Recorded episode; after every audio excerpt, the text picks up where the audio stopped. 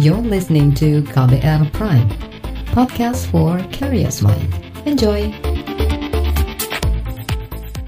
Selamat pagi saudara, kembali kami menjumpai Anda melalui program Buletin Pagi KBR edisi awal pekan Senin 11 Mei 2020 bersama saya Don Brady. Kami telah menyiapkan sejumlah informasi terkini di antaranya pekerja migran Indonesia makin menderita di negeri rantau saat pandemi virus corona. Harga obat penyakit lupus naik dua kali lipat akibat diburu untuk obat COVID-19. Bupati Mimika minta Presiden Jokowi tutup sementara PT Freeport Indonesia. Inilah Buletin Pagi selengkapnya. Terbaru di Buletin Pagi.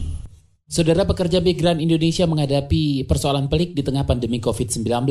Survei terhadap ratusan pekerja migran di luar negeri menyimpulkan para buruh migran menghadapi masalah mulai dari pemecatan sepihak, gaji tidak dibayarkan, takut ditangkap aparat hingga kerja tambahan tanpa upah. Survei itu dilakukan LSM Human Rights Working Group, Serikat Buruh Migran Indonesia, dan Jaringan Buruh Migran pada April lalu.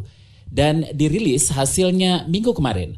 Deputi Direktur HRWG Daniel Awigra mengatakan survei dilakukan terhadap ratusan buruh Indonesia di sembilan negara seperti Malaysia, Singapura, Hong Kong, dan Arab Saudi. Survei ini kita melihat tiga aspek yang terimbas dari COVID. Pertama soal-soal keamanan, diskriminasi pasca COVID. Kemudian soal-soal kesehatan, uh, apakah mereka terimpact, uh, ter tertulari uh, virus ini atau susah atau enggak mereka mengakses layanan-layanan kesehatan. Kemudian yang ketiga faktor-faktor ekonomi, apakah mereka dibayar atau tidak. Secara singkat, uh, rentang persoalannya itu dari PHK, gaji tidak dibayarkan, takut ditangkap, sampai kerja tambahan. Deputi Direktur HRWG Daniel Awigra menyebut di tengah pandemi wabah virus corona banyak pekerja migran Indonesia di sektor konstruksi Malaysia dan Arab Saudi tidak lagi mendapat gaji. Sementara buruh migran di sektor rumah tangga di Singapura dan Hong Kong mendapat beban kerja tambahan tanpa insentif. Mereka juga tidak dapat hak libur dan banyak yang depresi. Kondisi serupa juga dialami para buruh di sektor manufaktur di Taiwan dan Korea Selatan. Di sisi lain, bantuan dari perwakilan Indonesia di negara-negara penempatan kerja sangat minim. Akibatnya, banyak yang tidak mendapat bantuan sosial terkait COVID-19. Para pekerja migran Indonesia di luar negeri yang paling terdampak akibat wabah virus corona adalah pekerja informal ilegal karena tidak punya dokumen resmi dan salah seorang buruh migran Indonesia di Arab Saudi, Roland Kamal tidak menyebut berapa banyak jumlah mereka, tapi mereka sudah tidak punya penghasilan sama sekali. Mereka harus nyewa rumah, hidup, tidak mendapatkan gaji, tidak mendapatkan pekerjaan. Adapun bantuan dari KJRI kita betul juga sudah dibagikan tapi tidak mencukupkan karena antara jumlah yang membutuhkan dan jumlah yang dibagi itu tidak berimbang. Bahwa yang paling berdampak ini orang-orang yang ilegal itu bukan satu orang, ada punya anak, punya istri, bahkan punya keluarga yang sudah usia uzur. Salah seorang buruh migran Indonesia di Arab Saudi, Roland Kamal menambahkan status karantina wilayah semakin membuat aktivitas para pekerja migran sangat terbatas, termasuk ketika hendak memeriksakan diri ke rumah sakit. Roland mendesak pemerintah memulangkan para buruh migran ilegal dari Arab Saudi setelah pandemi virus corona berakhir. Sementara itu, seorang buruh migran di Hong Kong, Nur Halimah, pekerjaannya di sektor informal rumah tangga, sangat dieksploitasi majikan. Di antaranya tidak mendapat hak libur dan beban kerja bertambah tanpa tambahan imbalan. Ketua Umum Serikat Buruh Migran Indonesia SBMI Hari, Harifanto Suwarno mendesak pemerintah melakukan penanganan segera demi membantu pekerja migran Indonesia di luar negeri yang terdampak wabah virus corona. Harifanto meminta pemerintah Indonesia memastikan negara tempatan tidak melakukan tindakan sewenang-wenang terhadap pekerja migran kita harus kemudian e, menekan e, negara penempatan untuk bisa e, mengadopsi kebijakan yang inklusif, kemudian adil, yang mengakui hak asasi manusia yang di situ adalah sebagai respon untuk mengatasi pandemi COVID-19 yang terjadi. Ketua Umum Serikat Buruh Migran Indonesia SBMI Harifanto Suwarno juga mengingatkan pemerintah agar memenuhi hak jaminan sosial kepada seluruh pekerja migran beserta keluarganya di negeri rantau. Semua misi diplomatik dan konsulat di negara tujuan pekerja migran harus fokus memberi bantuan bahan pokok, makanan, perlindungan HAM, dan ketenaga kerjaan serta menjamin hak hidup mereka. Sementara itu, Saudara Badan Perlindungan Pekerja Migran Indonesia BP2MI kini sedang bersiap menerima 34 ribu pekerja migran yang akan kembali ke Indonesia. Kepala BP2MI Beni Ramdhani menjelaskan lembaganya sudah menyiapkan posko pengaduan atau pusat krisis dan jumlah petugas pelayanan pengaduan di lembaga yang dulu bernama BNP2TKI itu juga akan ditambah dua kali lipat menjadi 150 petugas. Sebagai realisasi kebijakan dan keberpihakan atas musibah COVID-19 ini, khususnya yang menimpa saudara-saudara PMI, baik yang tertahan di negara penempatan, yang akan kembali ke tanah air karena kondisi negara penempatan yang mengalami lockdown, ataupun karena cuti dan habis kontrak kerjanya, maupun yang telah kembali ke tanah air, BP2MI telah mengantisipasi dengan membentuk krisis center Kepala Badan Perlindungan Pekerja Migran Indonesia BP2MI Beni Ramdhani memperkirakan sepanjang Mei hingga Juni nanti ada lebih dari 34 ribu pekerja migran yang akan pulang ke tanah air. Kepulangan mereka dengan beragam alasan termasuk masa kontrak habis dan aturan karantina wilayah akibat COVID-19. Kita ke mancanegara, saudara kota Wuhan di Tiongkok kembali terpapar virus corona. Komisi Kesehatan Nasional Tiongkok melaporkan ada 14 kasus baru COVID-19 yang dikonfirmasi pada akhir pekan lalu. Jumlah itu menjadi yang tertinggi sejak akhir April. Otoritas Tiongkok menyebut kasus baru virus corona di Wuhan tidak diawali dengan penampakan gejala medis. Sementara itu munculnya kasus baru COVID-19 di kota Sulan menjadikan statusnya dinaikkan dari risiko sedang ke tinggi. Di kota itu ada 11 kasus baru virus corona. Selain klaster Sulan dan kasus baru di Wuhan, ada lagi dua kasus yang dikonfirmasi sebagai infeksi impor.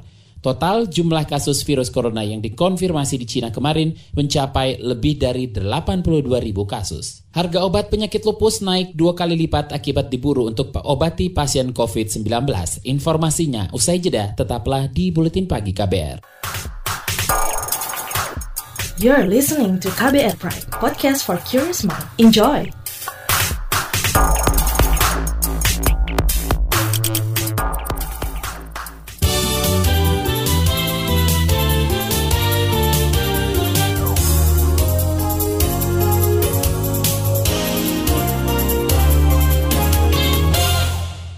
Saudara para penderita penyakit lupus di Indonesia mengeluhkan harga obat autoimun yang harganya semakin naik. Ketua Yayasan Syamsi Duha yang juga orang dengan lupus atau odapus, Dian Sarif menjelaskan obat hidroksikloroquine yang merupakan obat pelengkap bagi pasien lupus harganya kini naik dua kali lipat. Penyebabnya karena obat itu kini juga dipergunakan untuk terapi pengobatan pasien yang terinfeksi virus corona. Waktu sebelum COVID, itu eh, harga hidroksikloroquine ini 11.000. Nah, ini setelah Covid ini naik sampai 22.000 gitu karena diburu juga oleh eh, orang untuk terapi terhadap Covid gitu. Hidroksikloroquine sendiri tadinya tuh eh, nggak uh, ada di Indonesia, nggak masuk ke Indonesia obat ini. Jadi biasanya pasien tuh dapat tuh hand carry misalkan dari Singapura atau Malaysia gitu ya. Ketua Yayasan Syamsi Duha sekaligus orang dengan lupus Dian Syarif berharap pemerintah memperhatikan produksi dan stok obat hidroksikloroquine yang bisa yang biasa dikonsumsi para penderita penyakit lupus. Desakan itu disampaikan pada 10 Mei kemarin bertepatan dengan peringatan Hari Lupus Internasional. Pemerintah mencatat semakin banyak orang terpapar virus corona tanpa gejala gangguan kesehatan atau medis. Juru bicara pemerintah untuk percepatan penanganan COVID-19 Ahmad Yuryanto mengatakan pasien yang terinfeksi COVID-19 kini tidak lagi disertai gejala klinis, misalnya demam lebih dari 38 derajat Celcius, batuk, dan gangguan pernapasan. Dan konfirmasi positif yang kita dapatkan pada hari ini sebanyak 387 sehingga totalnya menjadi 14.032. Kemudian kasus sembuh kita dapatkan tambahan hari ini 91 orang sehingga total menjadi 2.698 orang. Meninggal 14 orang sehingga total menjadi 300 menjadi 900 73. Juru bicara pemerintah untuk penanganan COVID-19 Ahmad Yuryanto menambahkan saat ini di pemerintah pemantau, memantau dan mengawasi lebih dari 270-an ribu orang yang diduga terpapar atau berinteraksi dengan virus corona. Gugus tugas COVID-19 juga sudah memeriksa lebih dari 158 ribu spesimen demi mendeteksi penularan virus corona. Kita ke informasi ekonomi, saudara pemerintah mengancam akan menunda pencairan dana alokasi umum kepada 65 daerah yang belum melaporkan penyesuaian anggaran pendapatan dan belanja daerah atau APBD tahun ini. Menteri Keuangan Sri Mulyani Indrawati menyampaikan itu pada akhir pekan lalu. Ia menyebut laporan penyesuaian APD, APBD itu berujuk pada kebijakan realokasi dan refocusing anggaran untuk penanganan dampak pandemi virus corona. Pertama, karena kita memberikan instruksinya cukup spesifik. Pertama, penurunan belanja barang diminta untuk uh, dilakukan uh, paling tidak minimal 50% dan belanja modal juga minimal 50% serta belanja lainnya saat ini yang kita bisa rekam, penurunan belanja barang adalah dari 24,8 persen menjadi 20,86 persen. Menteri Keuangan Sri Mulyani Indrawati menambahkan pemberian sanksi itu sesuai aturan perundang-undangan. Bentuknya bisa berupa penundaan pencairan anggaran pos lain semisal DAU. Di antara 65 daerah yang belum menyampaikan laporan penyesuaian anggaran antara lain Kabupaten Aceh Besar, Natuna, Gresik, Kabupaten Serang, Kota Pekalongan, Provinsi Papua Barat hingga Provinsi Papua. Beralih ke informasi lain, perlakuan tidak manusiawi yang menimpa sejumlah anak buah kapal atau ABK WNI di luar negeri diduga sudah berlangsung sejak lama. Sekjen Serikat Buruh Migran Indonesia SBMI Bobby Alwi menyebut Perlakuan tidak manusiawi bukan hanya secara fisik tapi juga upah yang sangat tidak layak dan fasilitas kerja yang kurang memadai. Jadi ada jam kerja yang panjang, terus kemudian logistiknya nggak bagus, terus kemudian airnya waktu itu ya yang diceritakan itu mereka tidak mengkonsumsi air yang layak karena dia mengkonsumsi air dari apa freezer kemudian mandinya pun pakai air laut, hanya satu gayung dari air bersih. Kemudian ketika sakit itu tidak diobati, hanya dikasih obat uh, satu macam kayak apa kayak panadol kayak gitu. Semua jenis penyakit obatnya itu satu. Itu tadi Sekjen SBMI Bobby Alwi. Sebelumnya Kementerian Luar Negeri menyebut ada tiga anak buah kapal asal Indonesia yang bekerja di kapal ikan berbendera Tiongkok meninggal dan jenazahnya dilarung di laut lepas. Peristiwa itu terjadi pada akhir tahun lalu namun tidak ada pemberitahuan kepada keluarga atau pemerintah Indonesia. Menteri Luar Negeri Retno Marsudi telah mengirim nota diplomatik ke pemerintah Tiongkok untuk mempertanyakan kasus itu. Laporan khas KBR tentang sengkarut kartu prakerja akan hadir usai jeda tetaplah di Buletin Pagi KBR. You're listening to KBR Pride, podcast for curious mind. Enjoy!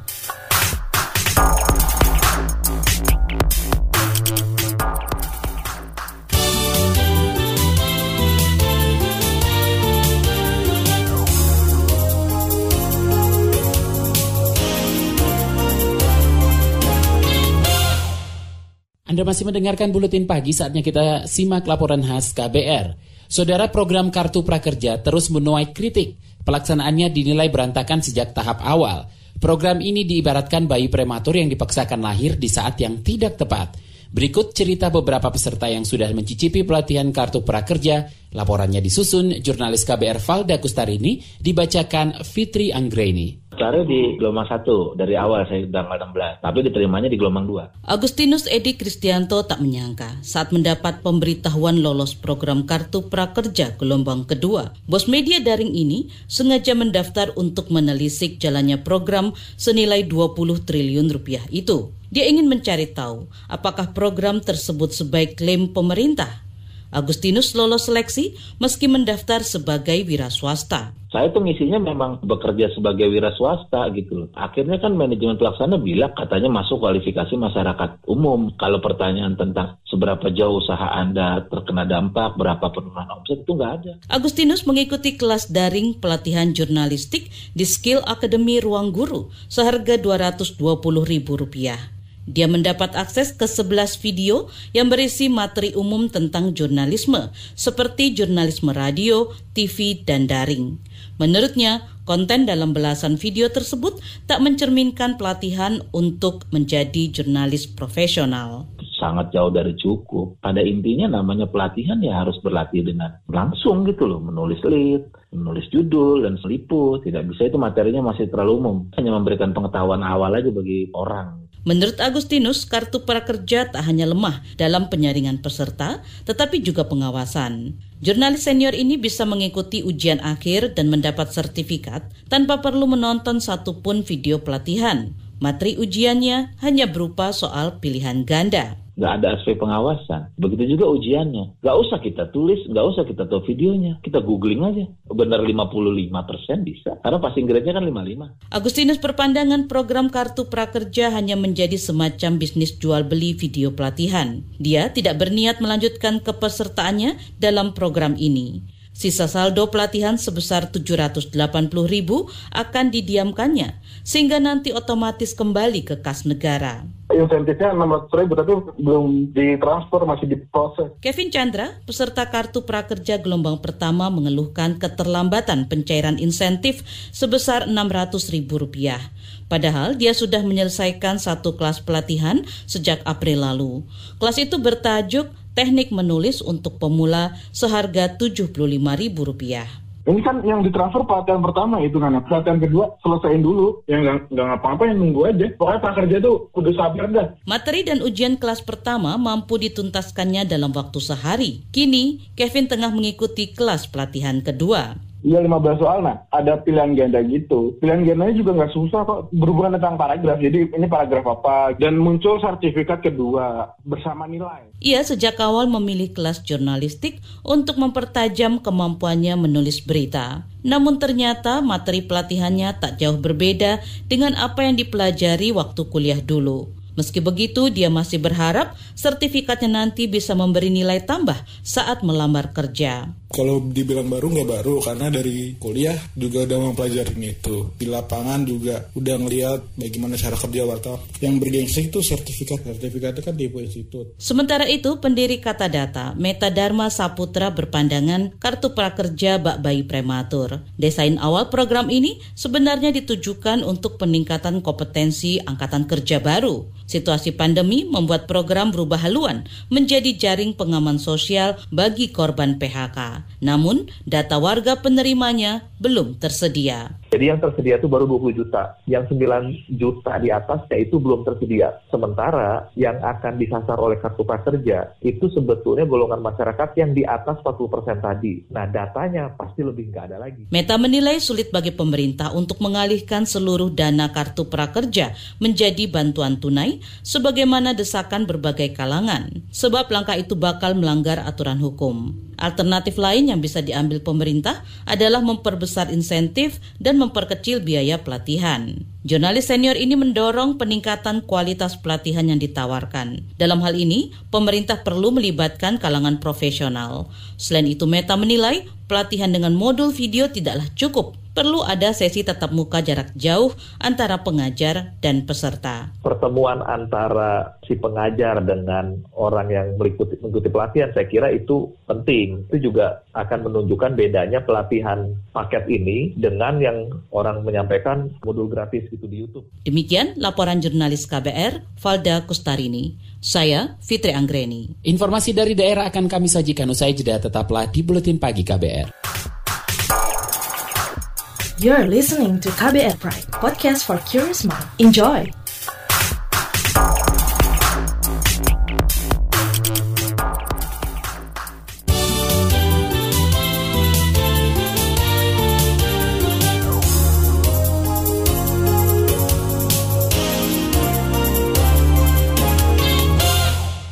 Inilah bagian akhir buletin pagi KBR, saudara kita ke Papua, Bupati Mimika Eltinus Omaleng menyatakan akan segera menyurati Presiden Joko Widodo untuk meminta penghentian sementara aktivitas penambangan di PT Freeport Indonesia.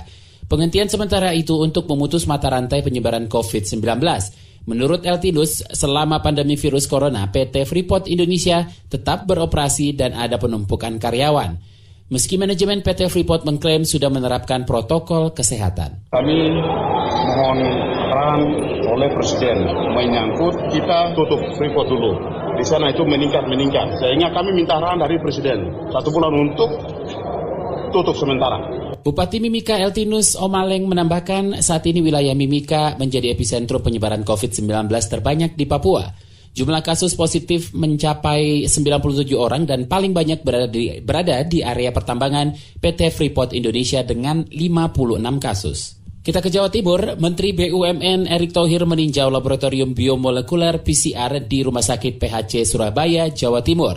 Erick Thohir menyatakan ingin memastikan kesiapan proses pemeriksaan COVID-19 lebih cepat dengan peralatan yang memadai. Menurut Erik, laboratorium biomolekuler PCR itu juga bisa memetakan penyebaran virus.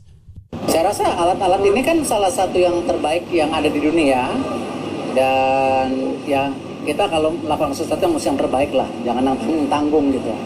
Dan saya rasa fasilitasnya sudah sesuai, ada tempat negatif segala, tekanan negatif, ini yang kita coba jaga terus.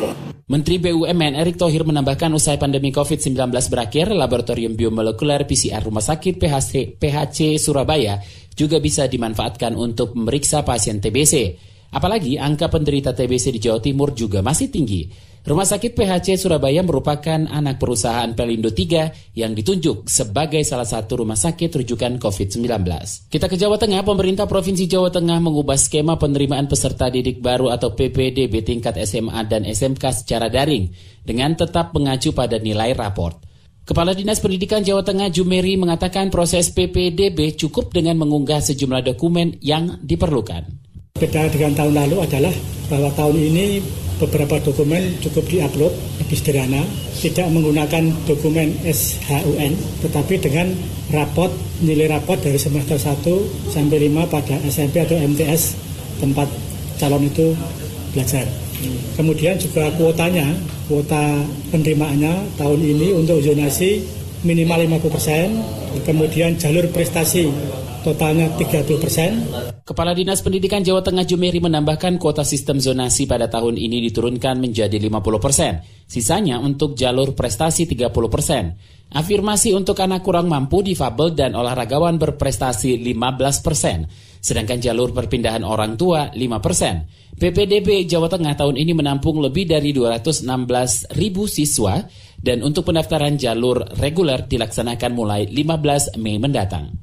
Informasi tadi menutup jumpa kita di Buletin Pagi hari ini. Pantau juga informasi terbaru melalui kabar baru, melalui website kbr.id, Twitter kami at berita KBR, serta podcast di kbrprime.id.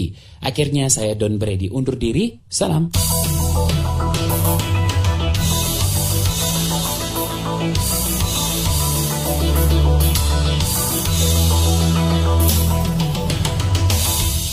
KBR Prime, cara asik mendengar berita. KBR Prime, podcast for curious mind.